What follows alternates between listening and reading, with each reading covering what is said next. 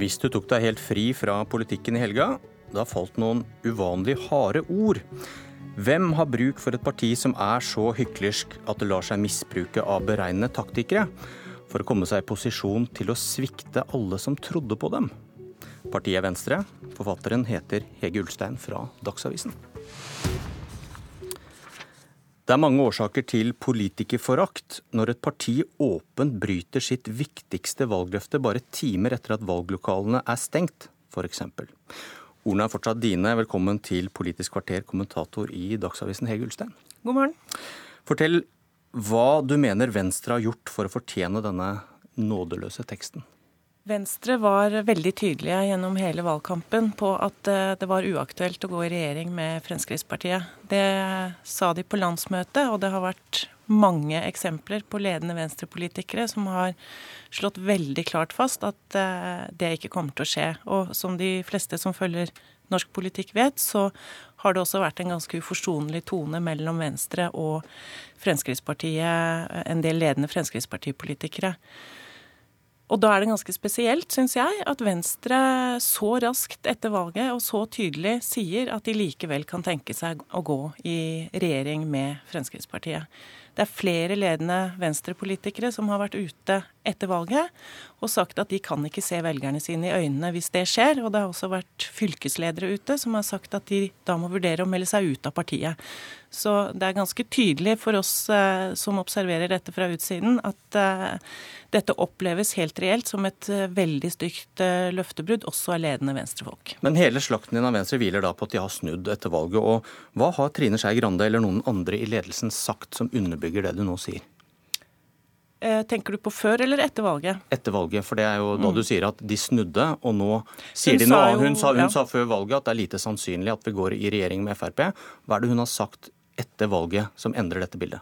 Hun sa på partilederrunden valgnatta at eh, de kunne gå i en regjering selv om Frp ikke gikk ut. Og det er også sagt av flere fylkesledere at de skal diskutere om de kan gå i en regjering med Frp.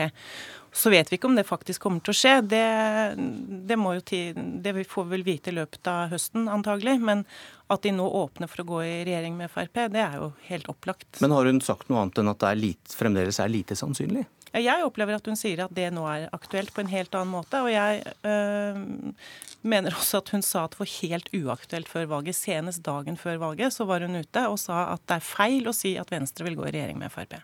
Kjetil B. Alstein, politisk redaktør i Dagens Næringsliv. Hva, hva tenker du om det Ulstein skriver om Venstre? Eh, altså, Hege Ulstein er jo skuffet på vegne av, eh, av eh, velgere som hun i sin artikkel kaller nyttige idioter. Jeg tror kanskje de velgerne foretrekker å, å bestemme selv om de skal være skuffet eller ikke. Eh, Det er jo en ganske nedlatende karakteristikk, for å si det forsiktig. Og jeg mener hun også gir et ganske fortegnet bilde av hva som ble sagt i løpet av valgkampen. Og at analysen er svak når det gjelder hva, hva, som, er, hva som tjener Venstre. Eh, Men ta, ta det poenget vi starta med her, at de har påstanden er at Venstre snudde valgnatta, og Trine Skei Grande åpnet nå for å gå i regjering med Frp, i motsetning til det hun sa før. Ja, jeg mener hun eh, ikke har eh, gått så langt ennå. Og, Venstre er jo i en prosess nå der de prøver å finne ut hva de skal gjøre i det politiske landskapet som, som velgerne eh, har, har gitt oss. Det de sa før valget, var for det første at de vil i regjering. For det andre at de vil ha en blå-grønn regjering. Eh, Og for det tredje at de skulle være et samarbeidsparti på borgerlig side. Sånn at De som stemte Venstre, fikk en ganske klar beskjed om at eh, Venstre ville bidra til at Erna Solberg fortsatt får sitte som statsminister. Og så var det det som, ble, eh, det som var mindre klart, var hva Venstre ville gjøre hvis de ikke får til denne blå-grønne regjeringen. Og det er, det er jo det de sitter og skal finne ut av nå. Og eh, som, som vil bli, Den beslutningen vil bli tatt ut fra hva de får til i, i de samtalene og som eventuelt blir forhandlinger etter hvert. Så de har ikke gjort denne snuoperasjonen som uh, Ulstein karakteriserer som hyklersk? Nei, jeg mener de gjør det de sa før valget, nemlig at de skulle være et samarbeidsparti på borgerlig side. Så prøver de å finne ut av hvilken politikk kan de få gjennomslag for, i hvilken form. Om det er en, en eller annen form for ny samarbeidsavtale, eller om det er å gå inn i regjering. Men det er jo det disse forhandlingene eh, vil vise etter hvert. Abid Raja, nestleder i Venstre, har sagt at Frp er uspiselig for Venstre. Sentralstyremedlem Trine Not har sagt at for Venstre er det ikke aktuelt å sitte i regjering med Frp. 8.9., tre dager før stortingsvalget, så sa Trine Skei Grande at vi vil i regjering med Frp er feil. Vi har valgt å ikke gå inn i regjering nettopp fordi Frp sitter der. Bedre bevis finnes ikke når det gjelder hva vi mener om Frp og politikken deres. Terje Breivik, nestlederen i Venstre, har sagt at det er stor oppslutning i Venstre om en blå-grønn regjering bestående av Høyre, KrF og Venstre, og det er det Venstre går til valg på. Helge Stiksrud, nestleder i Buskerud Venstre, har sagt at jeg har brukt landsmøtevedtaket aktivt og overbevist potensielle venstrevelgere som er sterkt kritiske til Frp, om likevel å stemme Venstre. Da kan jeg ikke gjøre annet enn å melde meg ut dersom det blir et regjeringssamarbeid. Jon Gunnes jeg vi tar, altså, jeg kan fortsette. Ja, ja, altså, det er ingen tvil. De har vært veldig tydelige. De vil ikke gå i regjering med med Fremskrittspartiet. De har sagt det til velgerne, de har sagt det på dørbank, de har sagt det på sosiale medier, de har sagt det på stands, de har sagt det i aviser, de har sagt det overalt. Og nå sier de noe annet. Og det må det være lov å påpeke eh, ganske tydelig, uten at det skal være spesielt nedlatende eller eh, krast. Jeg syns det er sånn trist at du kalte folk nyttige idioter. Det er nedlatende. Nei, jeg kaller Venstre for nyttige idioter. Og det er jo fordi at Abid Raja så tydelig sa at han syntes det var smart av disse taktiske høyrevelgerne å stemme Venstre for å få flertall for en regjering, og så stemmer de på et parti som de egentlig ikke støtter. Det er jo altså, litt vi, trist. Vi vil, vil uh, Ulstein ha dekning for denne harde teksten sin hvis det ender med at de prøver å gå inn i regjering? Har de da snudd? Har de da brutt et løfte til velgerne? Det er helt opplagt at noen i Venstre vil oppleve det sånn. Det ser du jo på en del av de uttalelsene, og noen av de uttalelsene som, som Hegulstein viste til også. Og det er noen som har, har brukt valgkampen for å, å, gi nærmest garantier for at de ikke skal inn i regjering. Men når du ser på det vedtaket de fattet på landsmøtet, og det som, det, som, det som, berget, det som gjorde at Venstre fikk løftet seg fra et veldig lavt nivå før sommeren og inn i, i valget, var jo at de ble var veldig tydelig fra juni omtrent på at de skulle være et samarbeidsparti på borgerlig side, og at de skulle ha Erna Solberg som statsminister. Og det, det, det, det, var det tydeligste løftet de ga. Og så var det mindre tydelig hva de skulle gjøre hvis de ikke fikk den blå-grønne regjeringen. Og det er jo det partiet må, må prøve å finne ut av nå. Og da viser velgerovergangen at de blir holdt kunstig i livet av taktiske høyrevelgere. Til slutt, Ulstein.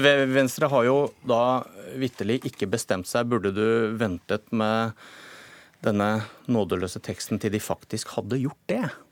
Vi som driver i den bransjen som Kjetil og jeg holder på i, vi, vi, skriver om politikk eh, mens det skjer, og så får historikerne ta seg av den andre jobben, som er å skrive om det etter at det har skjedd. Eller faktisk.no. Takk, Kjetil Alstheim og Hege Ulstein.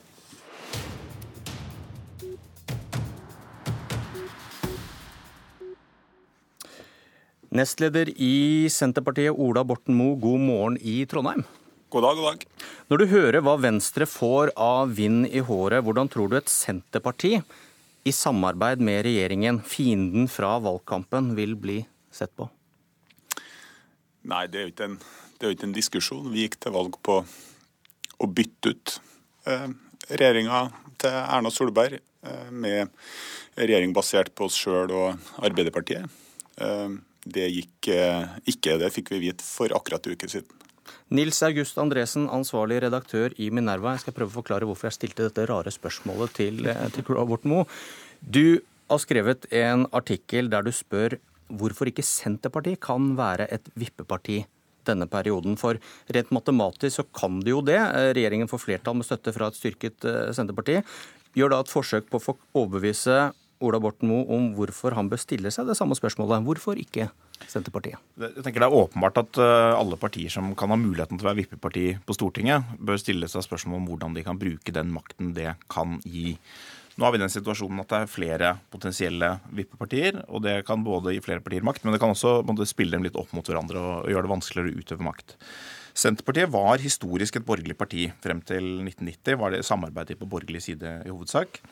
Eh, og så har vi de siste tolv årene blitt veldig vant til å tenke blokker. At det er de rød-grønne partiene, og er, der er Senterpartiet en del av det.